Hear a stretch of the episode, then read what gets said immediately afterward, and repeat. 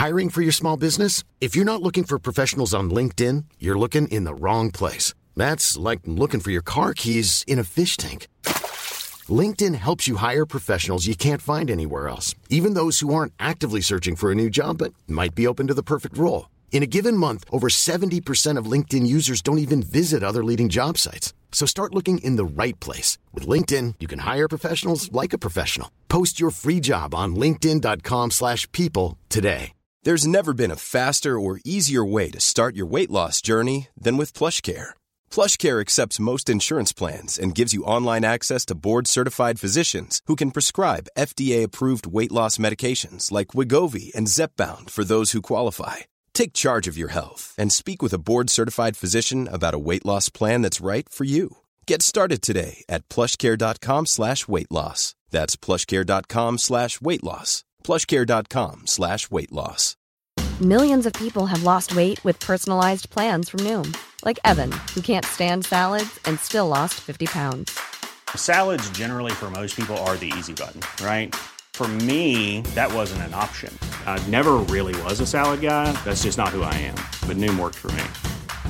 Get your personalized plan today at Noom.com. Real Noom user compensated to provide their story. In four weeks, the typical Noom user can expect to lose one to two pounds per week. Individual results may vary.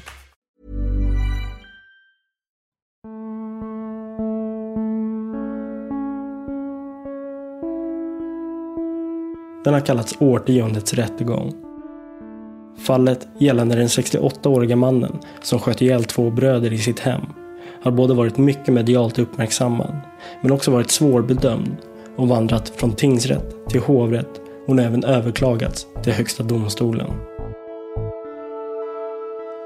Jag heter Nils Bergman och du lyssnar på Rättegångspodden om skotten i Vallåkra.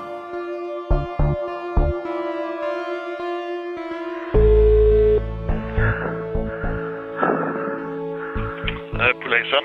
Ja, hej på dig. Du, det är allvarligt.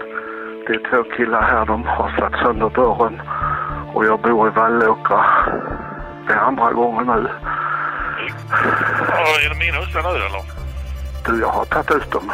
Har du tagit ut? Men eh, det är verkligen akut. Men har de, de har slagit in din dörr? De har slagit in dörren, ja. Är de kvar där har de stuckit iväg? Du, jag tror de är kvar. Jag tror inte de kommer någonstans.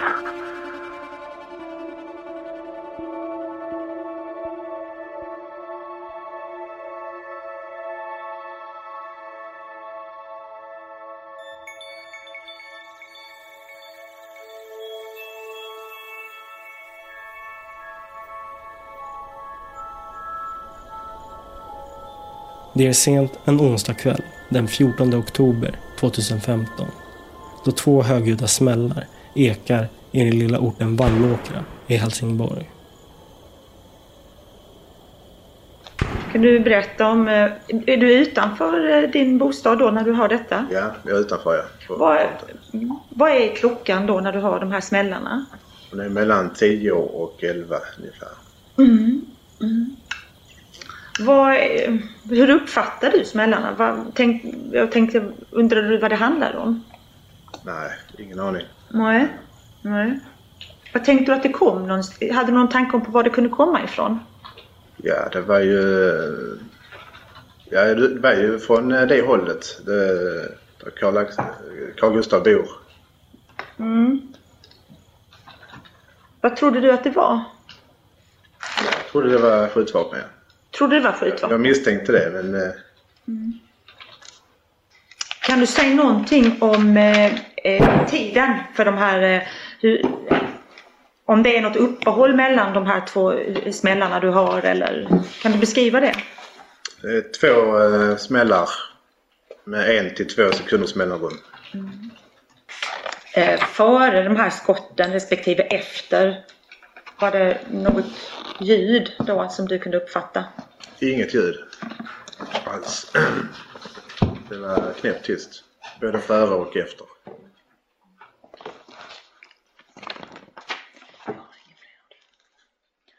Skotten verkar komma från den adress som polisen tidigare under kvällen fått ett larmsamtal från. Över en timme efter att det larmsamtalet kom in till polisen anlände den första polispatrullen till denna adress. Vi har en av poliserna, Jörgen Winberg. Eh, när vi kommer in på, på planen i aktuell fastighet, det ligger ju ensligt där uppe. Och det var ju mörkt, det var ju mitt i natten ju. Eh, då ser jag när vi gör svängen ner mot huset att där ligger en person på eh, plattläggningen framför huset. Och eh, jag ropar till kollegan att det ligger en person där ju. Han ligger vänd ifrån, eh, ifrån mig. Eh, nästan som i framstupa sidoläge. Ehm, och jag ser att det är blött under honom. Uh, inte färgat som att det skulle vara blod utan jag antar att det är urin ju. Uh, och då tar jag tag i personens vänstra axel och vänder upp honom och då är han uh, ja, stirrande, totalt stirrande blick. Blåaktig i ansiktet och ehm, eh, ingen puls. Jag känner på halsvenen på honom. Så då larmar Louise och berättar att vi har anträffat en troligtvis död person liggandes utanför.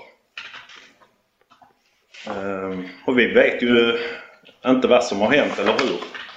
Egentligen han är tagen av dagar. Jag ser ju att han har någon typ av skada uppe, högt upp till vänster.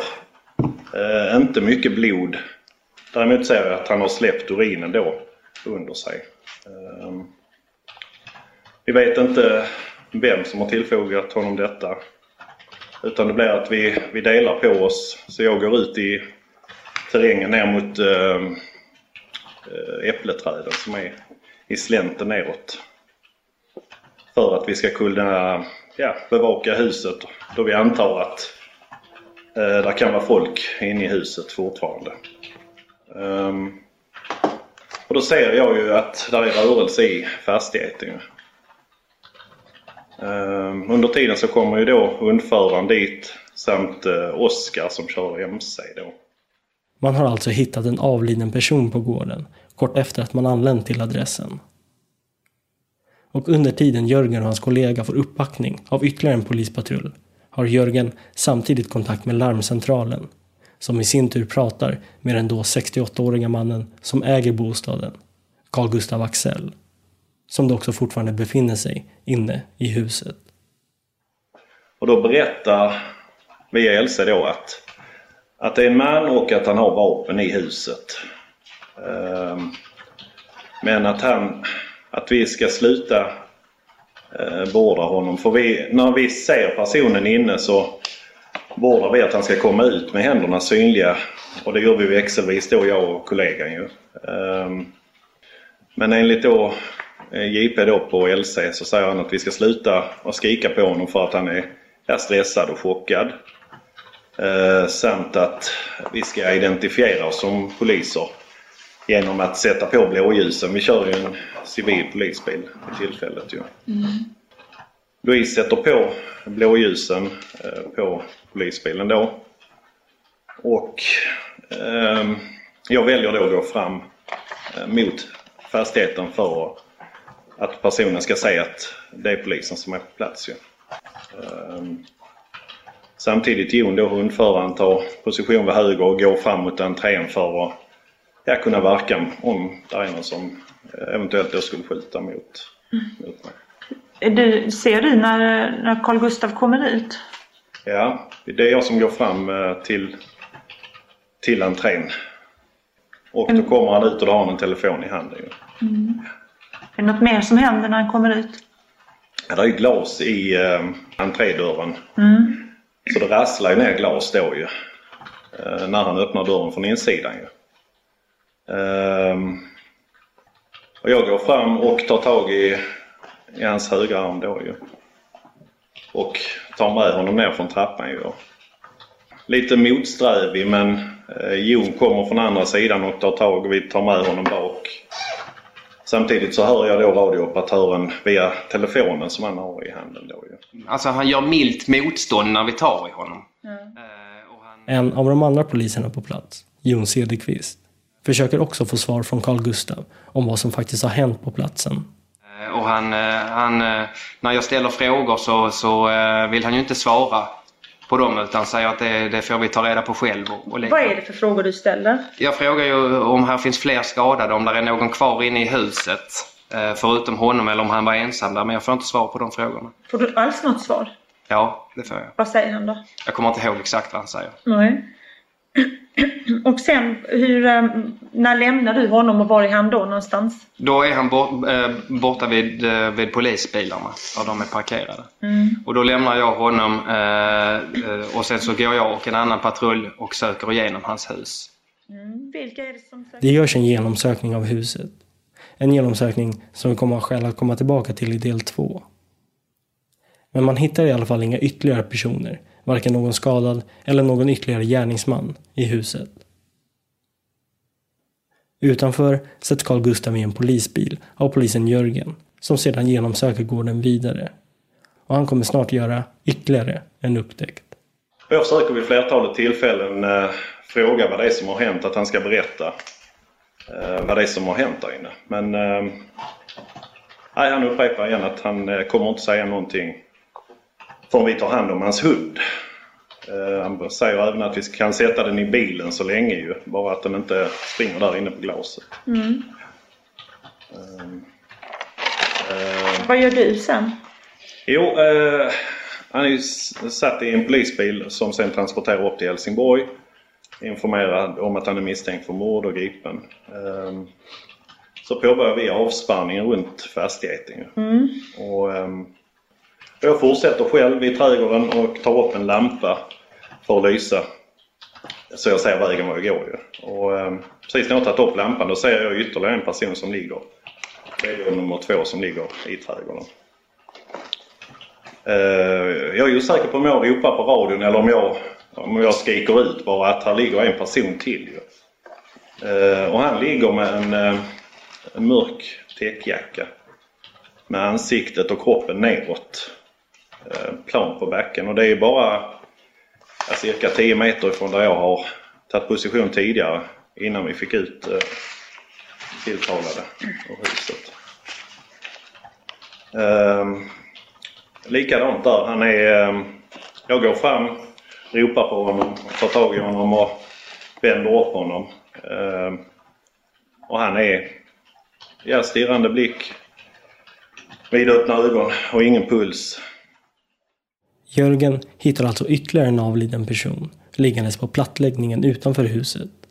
Och denna person är den då 24-årige Fredrik som senare kommer visa sig vara brodern till den första personen som hittades, den då 21-årige Simon. Senare kommer det stå klart att Simon anträffades med en kökskniv med tandad kant bredvid sig samt ett svart tygstycke med två urklippta hål i. På hans högra skuldra anträffades ingångshål efter flera hagelkorn. Den äldre brodern Fredrik anträffades med en handske på ena handen och en strumpa på den andra. Snett bakom honom låg ett smalt vitt metallrör som var böjt i ena änden. Omkring Fredriks huvud och panna satt ett svart tygstycke, också med två urklippta hål i. På vänster sida, i Fredriks bröstkorg, fanns ett ingångshål i vilket det också anträffades hagelkorn. Under tiden Jörgen upptäcker Fredriks kropp transporteras Carl Gustav till polisstationen i Helsingborg. Han delges misstanke om mord och under det inledande förhöret börjar Carl Gustav må dåligt. Och man befarar att han av den stressade situationen drabbas av hjärtflimmer och beslutar sig därför att transportera Carl Gustav till sjukhuset med ambulans. Ja, vi pratar om främst vad, vad han har varit med om den kvällen. Som sagt, jag har inte fått någon information. Sofie Rilöv är en av ambulansvårdarna som tar hand om Carl Gustav och vittnar i rätten om samtalen de för. Vilket kanske då Carl Gustav tror att, att jag vet. Eh, Men eh, det, det får jag berätta för honom att jag inte vet och att jag inte är från området.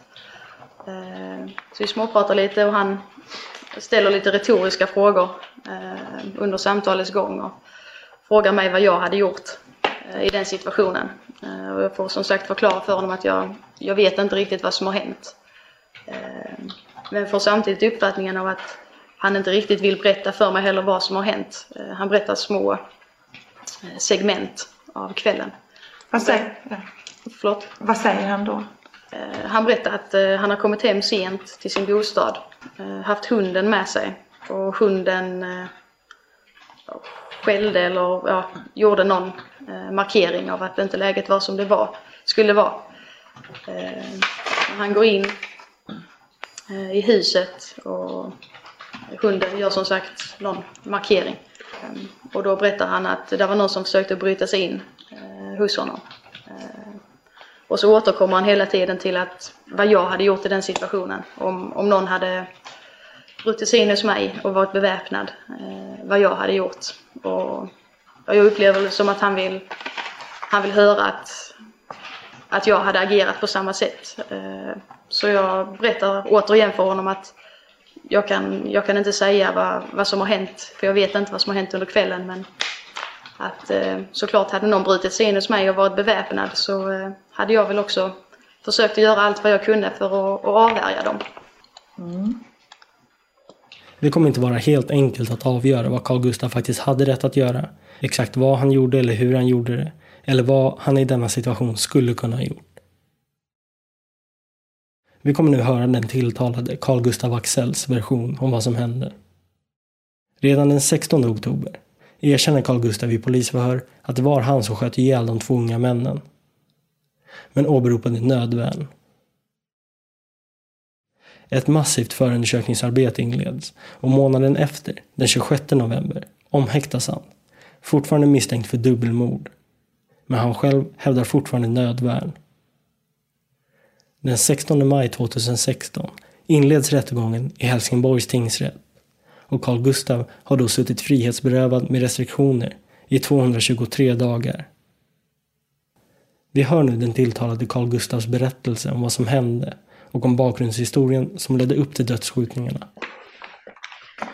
Ja, Carl Gustav Axel, då får du först möjlighet att själv berätta om det är någonting du särskilt vill berätta om för, för rätten innan du får frågor.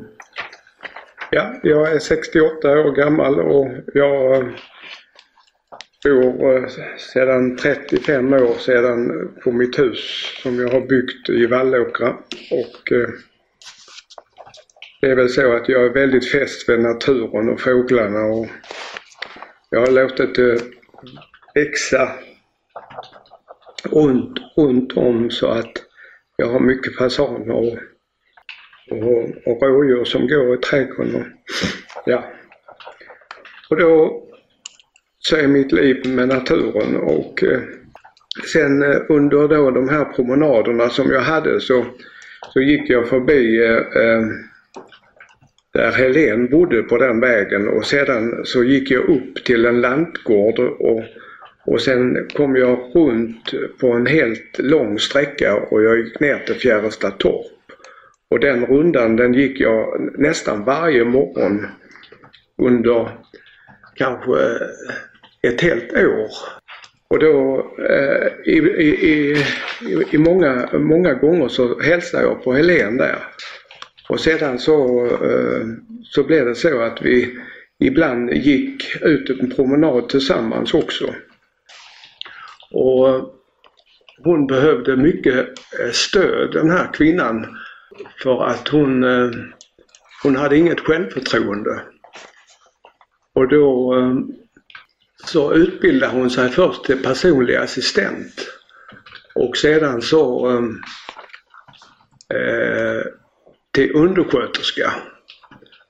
Och hon eh, har uttryckligen sagt till mig att hade jag inte funnits så hade hon aldrig klarat av den här utbildningen för att hon, hon sa kanske ja, 20 gånger till mig att nu ger jag upp, jag vill inte. Men sa jag, du är duktig och du klarar det här. Och eh, naturligtvis ringde jag till henne någon gång eller några gånger men hon ringde ofta till mig. Och hon pratade över en timme i telefon och hon behövde ha någon som bollplank i sitt liv för att klara av, för hon mådde inte bra. Och eh, det var våren då eh, 2014 och då, eh, då blev det då att vi vi eh, träffades när vi var ute på promenad och för det mesta så bestämde vi aldrig någonting. Någon gång bestämde vi när vi var ute och cyklade. Då, då träffades vi eh, vid Ottarp någonstans. Ja. Och då, då cyklade vi ett par timmar. Och sen gick vi i Landskrona nere vid havet och eh, där var ett sånt här utegym som vi var där också på. Mm. Och eh, sen kan man väl säga då att, eh, eh att, att jag älskade henne.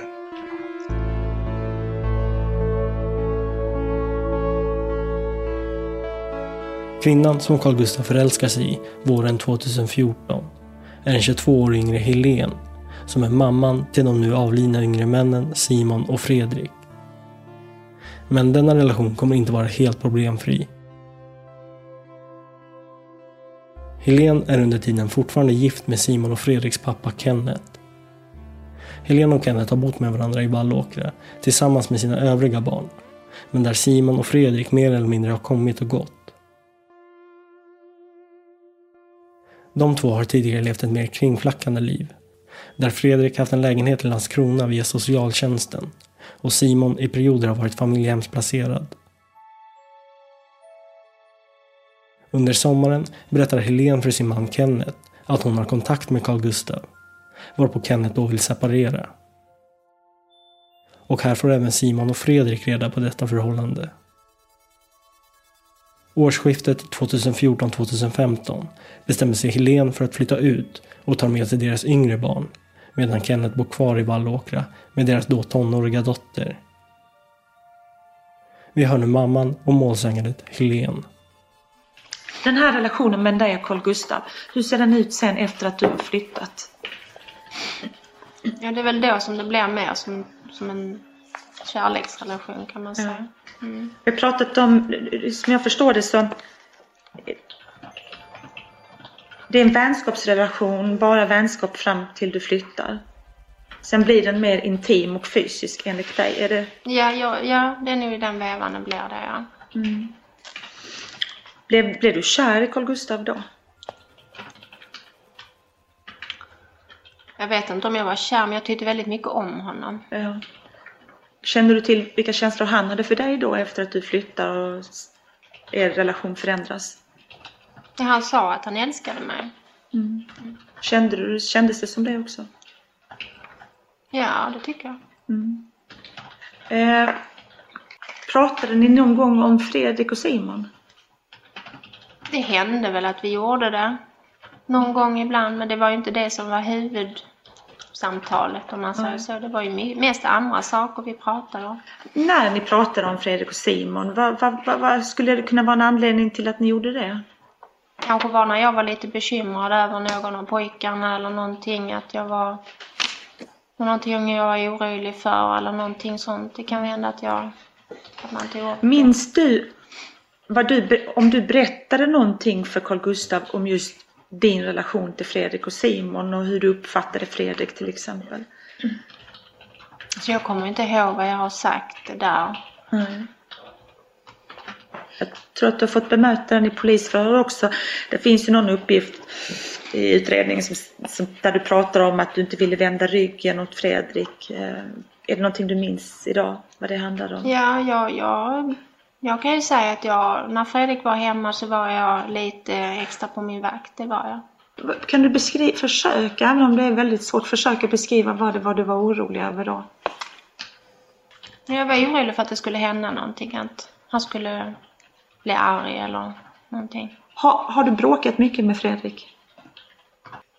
Inte bråkat, men han, han fick ju ibland sådana utbrott liksom. Han blev väldigt arg. Det, ibland visste man inte riktigt varför. Nej. Har han gett sig på dig fysiskt? Varken Fredrik eller Simon har någonsin skadat mig fysiskt. Nej. Mm. Aldrig. Mm. Vad skulle kunna hända då om du hade vänt ryggen åt Fredrik då? Jag vet inte, det var väl bara någon sån där oroskänsla man hade. Alltså jag kanske inte föreställde mig vad som skulle hända men att jag var bara lite orolig för det. Mm. Men det, det var ju så det blev att de här farliga männen då, Simon och Fredrik, de, de tyckte inte om detta. Simon och Fredrik tyckte inte om att deras mamma och Carl Gustav hade kontakt med varandra. Redan i augusti 2014 uttrycker Helene rädsla, bland annat över sms till Carl Gustav, över att Simon och Fredrik skulle ge sig på honom. Carl Gustav berättar att han naturligtvis upplevde detta som en fara. Och sett till Simons och Fredriks belastningsregister kan denna rädsla ha varit befogad. Simon var sedan tidigare dömd för bland annat misshandel, försök till misshandel, olaga hot och försök till rån. Medan Fredrik i sin tur var dömd för bedrägeri, narkotikabrott, misshandel, försök till misshandel, olaga hot samt för rån och våldsamt motstånd. Så jag stannade bilen och frågade om jag skulle köra henne hem. Senare under året, 2014, kommer Simon och Carl Gustav mötas för första gången. Det börjar med att Carl Gustav en kväll är sugen på choklad och bestämmer sig för att åka iväg och handla. Längs vägen upptäcker han då Helens tonåriga dotter, tillika Simon och Fredriks lilla syster, ligga utslagen av fylla vid vägkanten. Hon har ramlat av från sin cykel och kan inte ta sig upp för en lång backe. Och det är inte långt till hennes familjs bostad, så Carl Gustav bestämmer sig för att hjälpa henne.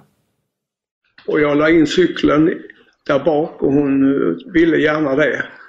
För hon hade tappat balansen för hon hade druckit, heter det, när man har eh, tagit sprit. Och då körde jag henne hem och, och satte av cykeln. Och sen är där då en, en vändplats som man har för betor vid sidan om. Och så jag vände bilen där. Och sen när jag kom tillbaka så stod Simon och satte ögonen i mig som om han hade strålkastare. Som om han hade tänkt att döda mig för att jag hade kört hem hans, hennes, eller hans syster. Det var väl i stort sett den första träffen som jag hade med honom. If you thought the only way to get a more defined jawline with natural looking results was through surgery, think again. Juvederm Volux XC is a non surgical injectable gel filler that improves moderate to severe loss of jawline definition and can help you achieve natural looking results with little downtime. Even better, this improved definition lasts up to one year with optimal treatment. No maintenance required. Improve jawline definition for a smooth, sculpted look with Juvederm Volux XC. For important safety information and to find a licensed specialist, visit juvederm.com. That's J U V E D E R M.com. Not for people with severe allergic reactions, allergies to lidocaine, or the proteins used in Juvederm. Common side effects include injection site redness, swelling, pain, tenderness, firmness, lumps, bumps, bruising, discoloration, or itching. There's a risk of unintentional injection into a blood vessel, which can cause vision abnormalities, blindness, stroke, temporary scabs, or scarring. Talk to a licensed specialist to find out if it's right for you.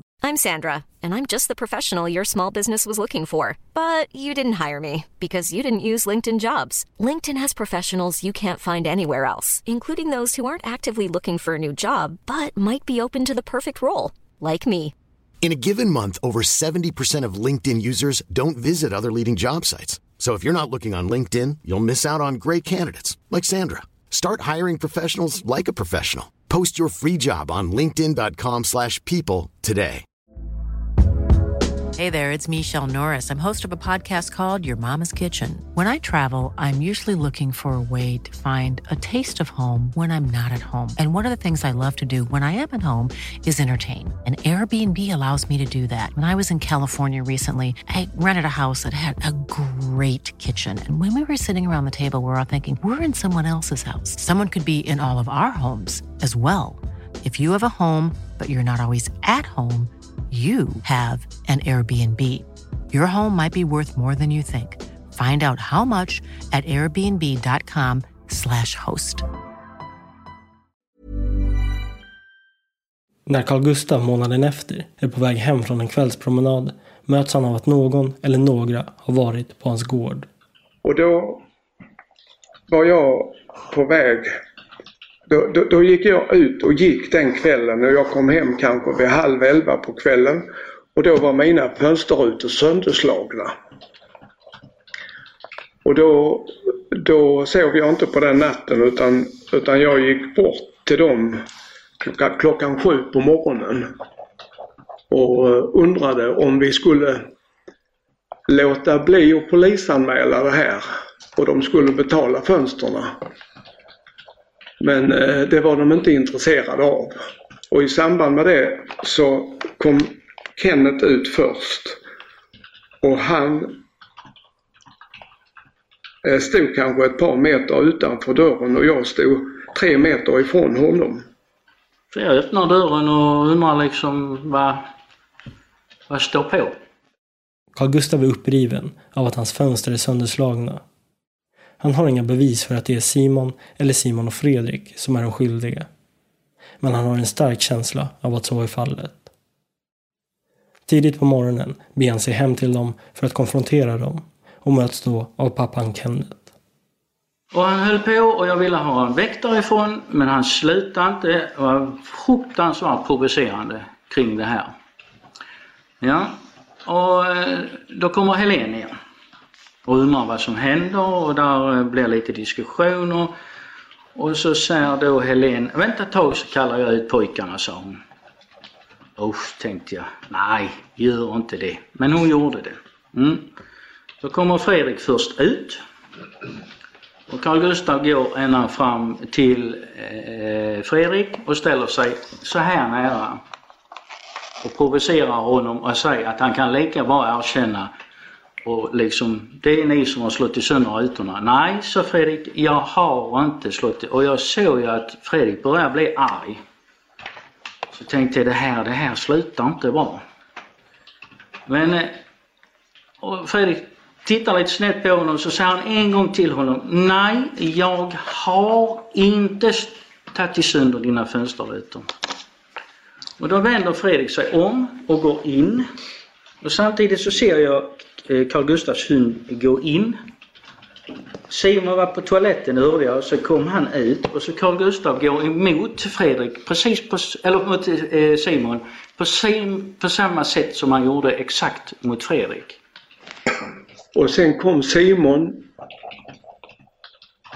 ut och, och han stod bakom sin pappa och jag stod fortfarande tre meter ifrån. Och så frågade jag Simon, är det, är det du och, och Fredrik som har slagit sönder rutorna? Nej, det var det inte. Och sen gick det då bara ungefär, ja, kanske 10-15 sekunder och då eh, började Simon att skrika som om han, han måste skrika för att anfalla. Och då gick det ungefär på två sekunder. Jag hann inte att, försvara mig eller sätta något framför utan han bara knuffade mig bakåt. Och det tyckte nog Simon var väldigt, väldigt hotfullt. Så Simon tog bara en och puttade honom så här. Och då ramlar Carl Gustaf baklänges. Där är en liten stentrappa upp till vägen. Eh, mest trä egentligen men, men antagligen så landar han på sidan om trappan där. Och eh, det var så nära den här stentrappan som de har så att eh, hade det varit 5 centimeter till så hade jag slagit huvudet i och sen hade jag varit borta. Det blev full kabalik. Va? Men vi fick avstyrt det. Jag fick stoppa Fredrik och, och Helene gick emellan eh, Simon. Och sen så eh, sa jag till Carl Gustav att nu, nu, nu måste du gå härifrån. Ja, och sen gick han upp till vägen och jag gick efter honom och menade på Carl Gustav, gå nu för allt i världen. Gå! Ja, och han höll på att kackla. Ja, jag, jag, jag är liksom datt och hit och där. Men så snälla rara, bara gå. Jag kunde inte, jag kunde med mycket nöda och stort besvär gå därifrån. Och, och det, jag sa att jag är inte rädd för jag, jag är inte det för jag har ju bott i skogen så många år och gått in när det är mörkt. Så att jag, jag, jag är inte rädd. Och jag sa det till dem också. Och så gick han till bilen så tänkte jag, åh fy, åh, äntligen för det här avklarat. Men då vänder han sig om och så går han emot oss igen. Och så säger han, jag är inte rädd för någon. Ja, tänkte jag. Vänta, nej, börja nu inte igen, tänkte jag. Jag sa bara till honom, gå nu härifrån Carl Gustaf. Gå, snälla rara, gå. Och långt om länge så satte han sig i bilen och körde hem. Sen var den parodin över. Det var vad som hände den söndag morgon.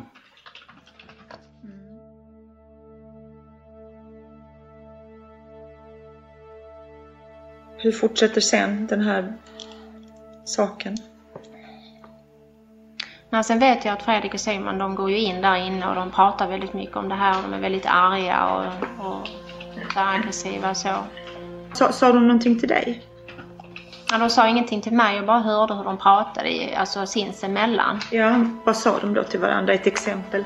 Jag minns inte exakt vad de sa men jag, jag vet att det var ganska aggressiv eh, ordväxling däremellan men jag minns inte vad de sa. Nej.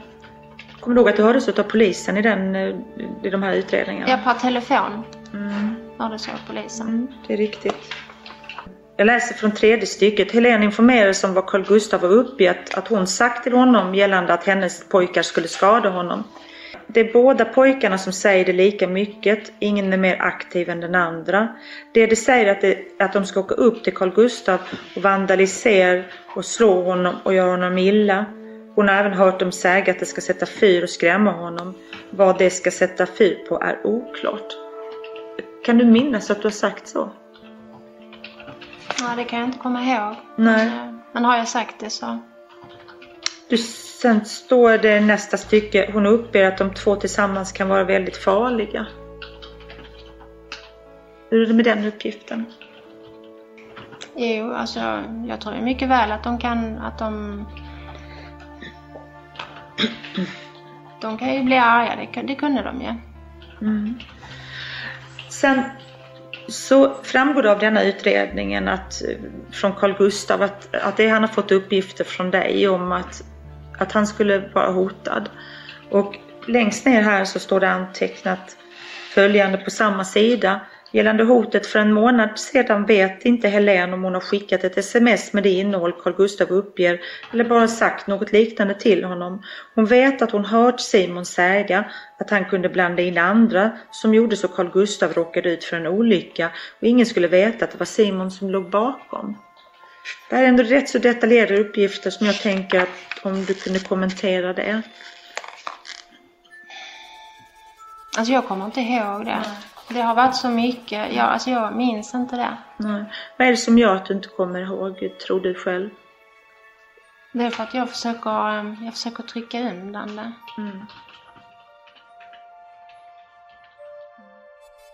I rättssalen tycks Helene minnas de tidigare incidenterna sämre än vad hon gjorde under polisförhören. Överlag så tycker hon nu inte att hotbilden mot Carl Gustav från hennes söner varit lika påtaglig som Carl Gustav under händelsernas gång uppfattat den. Det är ju rätt så mycket när en, när en förälder ringer och varnar för sina egna barn. Och det är ju på grund av detta som, som de har det här hatiska till mig, att de ska ge tillbaka när, när eh, de själva kommer i den här situationen att, att eh, föräldrarna talar om att, att nu, nu är de på gång igen. Ytterligare en händelse som kommer lägga sig på Carl Gustavs minne sker i december 2014. Och sedan så finns det då detta med att jag har varit och handlat på ICA i Porå och kör hem. Carl Gustav har varit och handlat och är på väg hem i sin bil. Då han ser Helene komma cyklandes längs vägen. Han stannar in och kliver ur för att hälsa på henne. Och medan de kramar om varandra så dyker då Kenneth upp i sin bil. Vid sidan om sig i passagerarsätet sitter sonen Simon. Och då eh, kommer Kenneth och kör med sin bil. Och då är Simon med där. Eh, och, jag står med min bil också där. Och då, eh,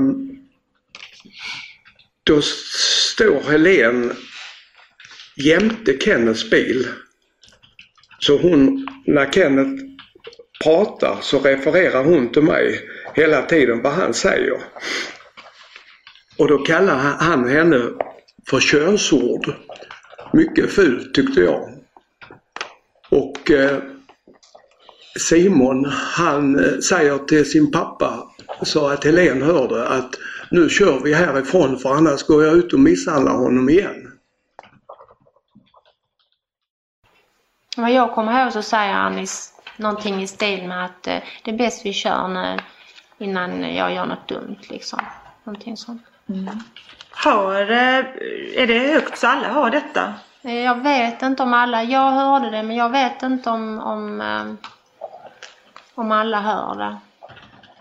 Men det här stämmer inte överens med Kennets minnesbild av händelsen. Han har ju i vart fall förhör sagt att Simon yttrar sig och, Helene han sa- säger också att eh, Simon säger någonting hotfullt riktat mot Carl Gustav.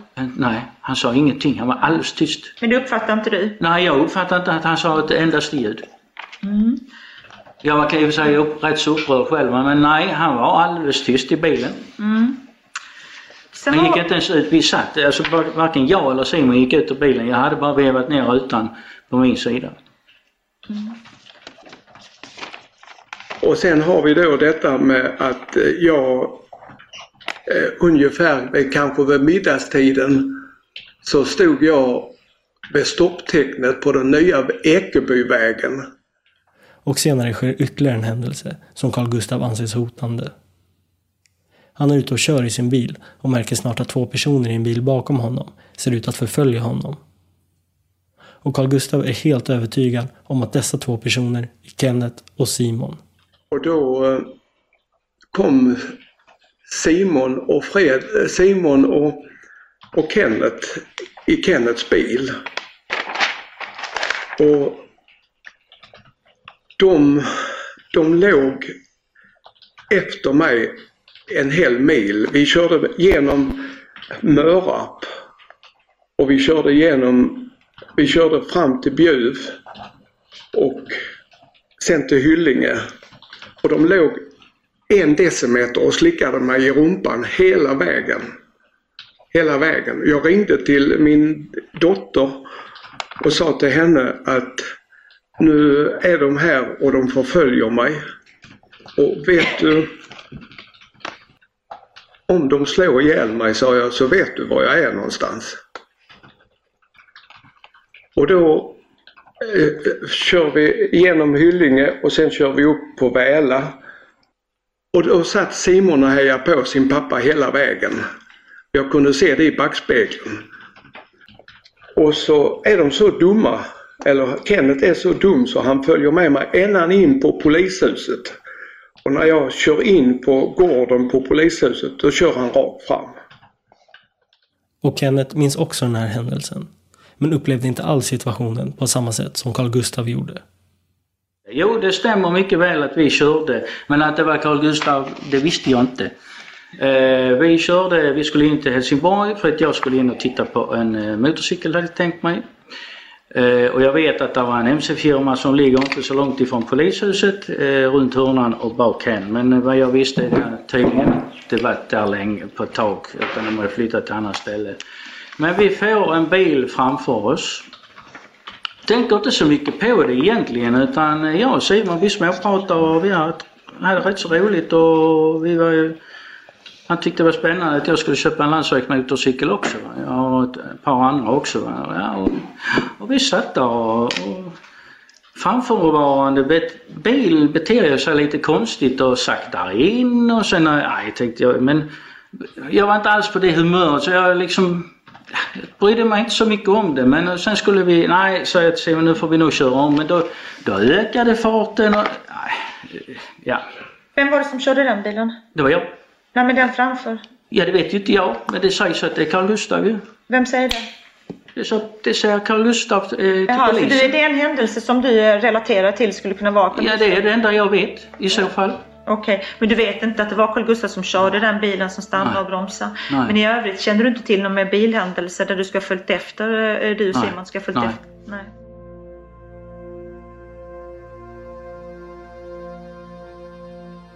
I början av oktober 2015 avslutar Helene relationen med Carl Gustav. Och även Simon och Fredrik får reda på detta. Simon och Helene, som tidigare inte alltid gått hand i hand med varandra, mycket på grund av Helens relation med Carl Gustav, återupptar nu kontakten med varandra. Helene vill nu lämna det gångna årets stormigheter bakom sig och återförenas med sin familj. Hur går det sen med din relation med Carl Gustav? Ja, så innan det händer med Fredrik och Simon så har jag avslutat den relationen med Carl Gustav. Hur går det till när du avslutar den? Eller träffas ni eller hur går det till? Jag säger till honom att jag vill återförenas med min familj.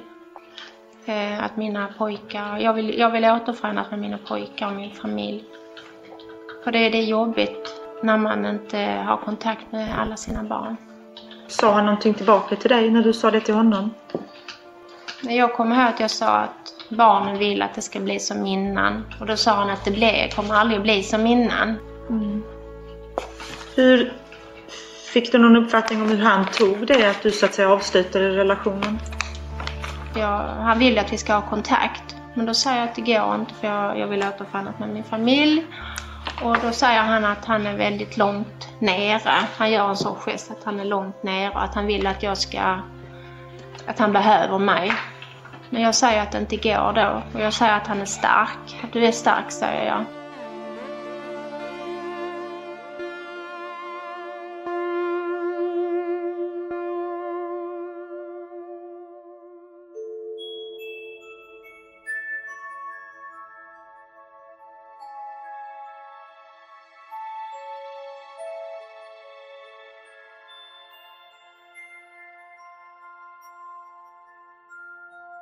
Ett par veckor senare, onsdagen den 14 oktober, beger sig Carl Gustav iväg hemifrån för att åka till Karlshamn för att arbeta med ett husbygge. Enligt telefonlistor ringde Carl Gustav till Helen den här dagen. Men det är oklart vad som sägs. Man kan även säga att han därefter blir uppringd av ett nummer som senare kommer visa sig vara från Fredriks mobiltelefon. Carl Gustav svarar inte och erkänner att han inte minns just detta, men att han alltid brukar ringa tillbaka om han har missade samtal.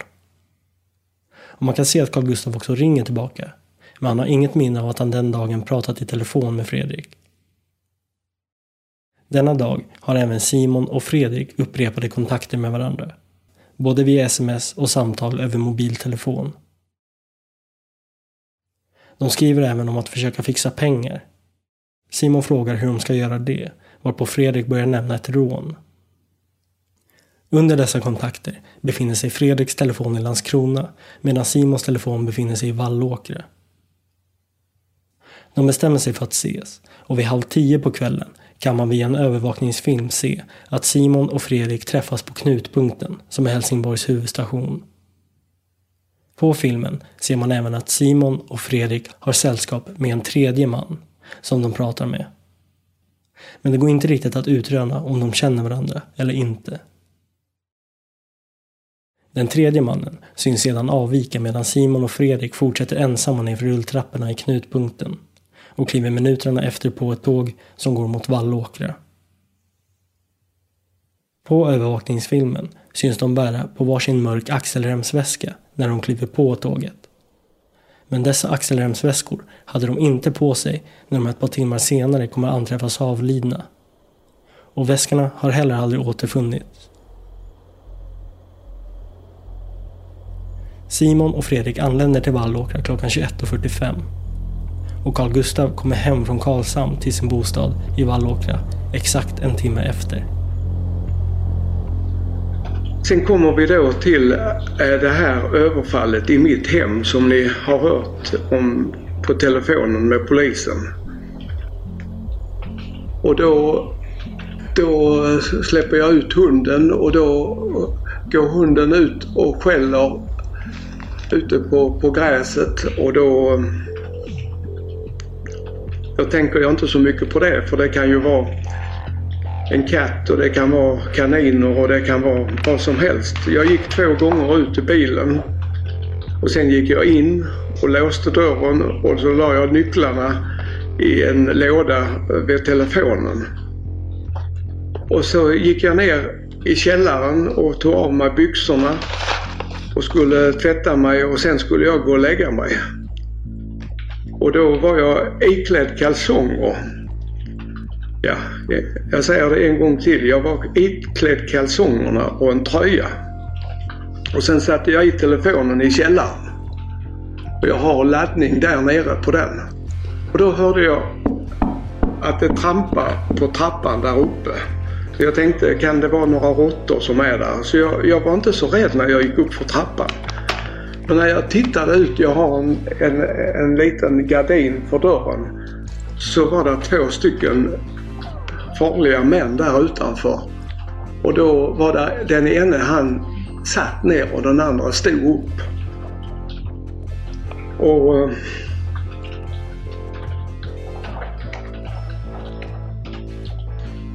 jag var helt chockad och alldeles rädd. Och eh, jag, jag hör att de eh, skriker att du ska öppna dörren och vi ska slå ihjäl dig din jävel, skriker de. Och då, då, eh, då ringer jag min, mina döttrar. Både den äldsta och den yngsta. Men det var ingen som svarade. Och sen ringer jag min syster och säger att nu, nu slår de in min dörr här. Och då eh, får du ringa till polisen. Och, och där var ingen tid att förlora. Och, och faran måste bekämpas. Och, och eh, då när jag pratar med Anette så hör jag att de slår in mina rutor, eller rutan där på, på, eh, på dörren. Och då, eh, då säger jag till Anette, du måste vänta i telefonen för att jag, jag, eh, jag är så livrädd här på det här. Så, så tar jag nycklarna i lådan och så tar jag och går in till vapenskåpet och tar mitt hagelgevär och laddar med två patroner och så går jag ut i hallen och då är det en som jag ser till vänster och då skjuter jag där. Och sen är det en som står på höger sida och så skjuter jag där också. Och hjärtat det slår i, i 2000 varv för jag, jag, ehm, jag mår ju inte bra. Jag har ju en hjärtklaff som läcker. Och då, ehm, då är det en reflex för att försvara mig som, som jag gör eftersom jag vet att, att där är ingen tid att förlora. Och sen så går jag in till Anette igen, eh, min syster, och pratar och då då eh, frågade jag henne om hon, om hon hörde någonting. Jo, så sa hon, jag hörde ett brak, sa hon. Och sen, eh, jag kunde inte säga något mer att jag hade skjutit eller någonting för jag var, jag var i chock. Och jag är fortfarande i chock när jag berättar det här. Och eh, då tar det en timme och tio minuter innan polisen kommer. Och jag ringer själv till polisen. Jag tror jag ringde tre gånger. Och sa bland annat att de skulle ta en ambulans med sig. Och så sa de då, det, det fixar vi själva, det behöver du inte alls bry dig om. Enligt en telefonanalys ringde Carl Gustaf till sin syster klockan 22.49. Och fyra minuter senare ringer han själv 112 och blir vidare kopplad till polisen. Hallå, det var 112. Vad är det som har inträffat? Ja, kan jag komma till någon kriminalpolis? Vad är det som har hänt? är, det är, de slår sönder mina fönster här på Okej, mitt hus. kop koppla dig på larm här. Varsågod.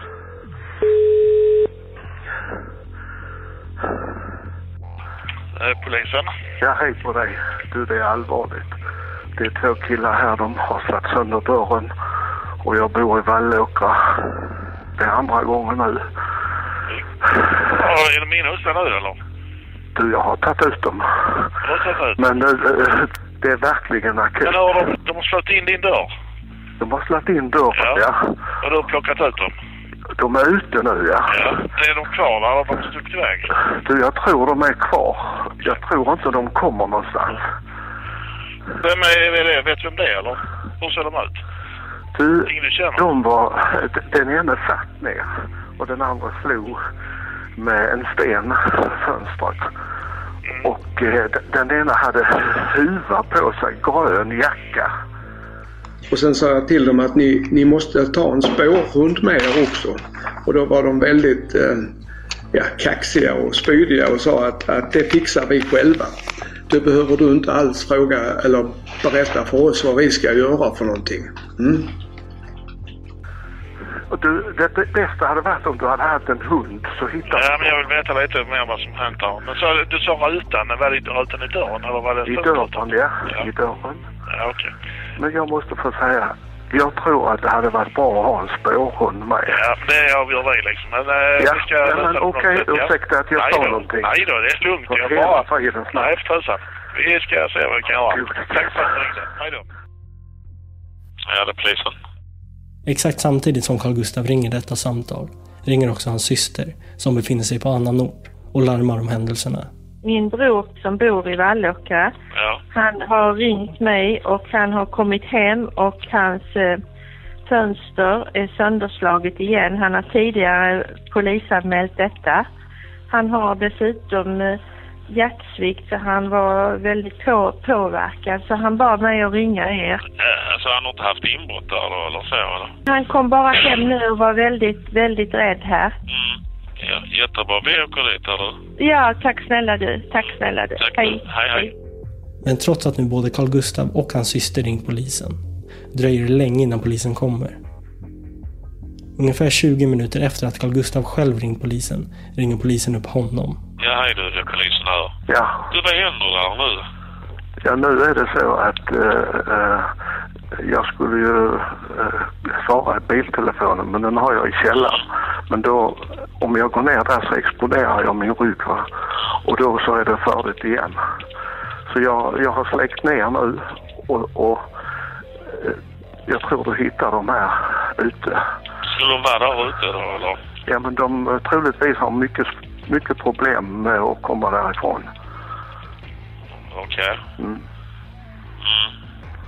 Vadå, hur då menar du att de... Ja, jag menar inget mer utan jag är en svensk medborgare. Ja. Jag har blivit påhoppad här i mitt hem och sedan så eh, de, de eh, behöver nog eh, som jag bedömer det Åh gode gud, de behöver någon som kanske lyssnar på dem för de, de, eh, de kanske inte mår så bra. Och jag mår själv inte så bra heller. Men, men jag har inte, de har inte varit på mig kroppsligen. Men de mår inte bra. Och därför sa jag första gången, var det du och jag som pratade första Ja, gången? Därför sa jag att du skulle ha en spårhund med dig. Men då tyckte han att det skulle ni själva avgöra. Men nu säger jag det en gång till. Men här har fortfarande inte kommit någon. Jag tror det är en kvart sedan. Detta är angeläget. Detta är akut. Ja, absolut. Men vi, kom, vi kommer dit här. Vi kommer dit. Ta gärna två bilar. Eh, Vi löser det. Det är fint, tack. Tack. Hej, hej.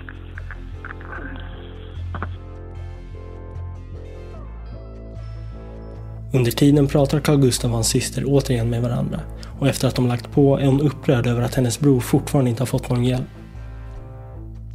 Klockan 23.46 ringer hon tillbaka till 112.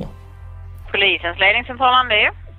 Jag ringde ungefär för en timme sedan angående min bror i Vallåkra utanför Helsingborg och det har gått nästan en timme nu och han, eh, ni skulle ju komma dit. Ja, det ligger här. Men vi har tyvärr haft, eh, inte haft någon bil ledig här.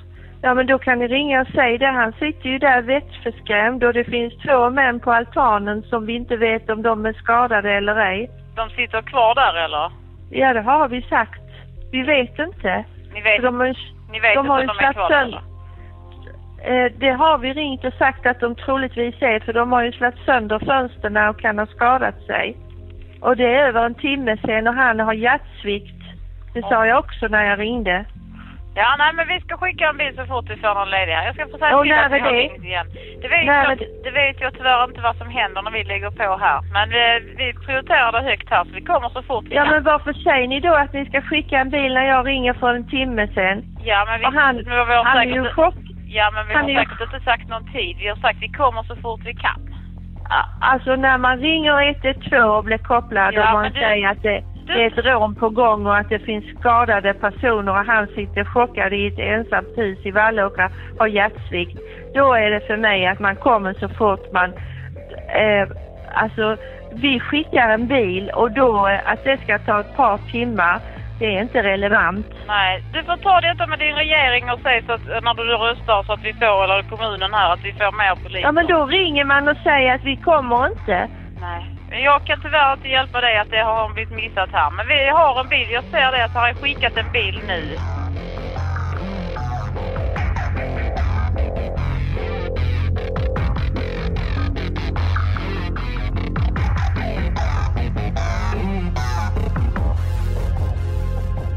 Ja, och sen så, så, så stod jag där och darrade i, i en timme och tio minuter innan polisen kom och jag vågade inte gå ner i källaren på grund av att då hade jag lämnat ryggen fri där mot dörren och jag visste inte var de var någonstans. Och jag lämnade inte huset heller förrän polisen kom och jag såg att, att de här lamporna eh, kom eh, med från polisbilen. Så det var ett helvete kan jag säga.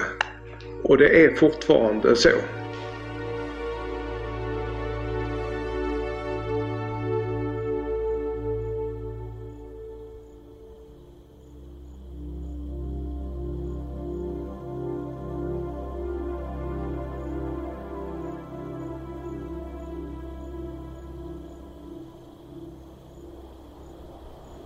Du har lyssnat på del 1 om skotten i Vallåkra. Jag heter Nils Bergman, ansvarig utgivare är Jonas Häger. I del 2 hör vi mer från Carl Gustav, hans försvarsadvokater, deras ifrågasättanden av brottsplatsundersökningen samt vad den potentiella tredje mannen har för inverkan i bedömningen av Carl Gustavs dom. Tack för att ni har lyssnat. Rättegångspodden är en Tall Tale produktion. Ansvarig utgivare är Jonas Häger. Och Rättegångspodden görs i samarbete med Lexbase. Ange rabattkoden Rättegångspodden när du blir ny betalande medlem på lexbase.se och få tre kostnadsfria domar.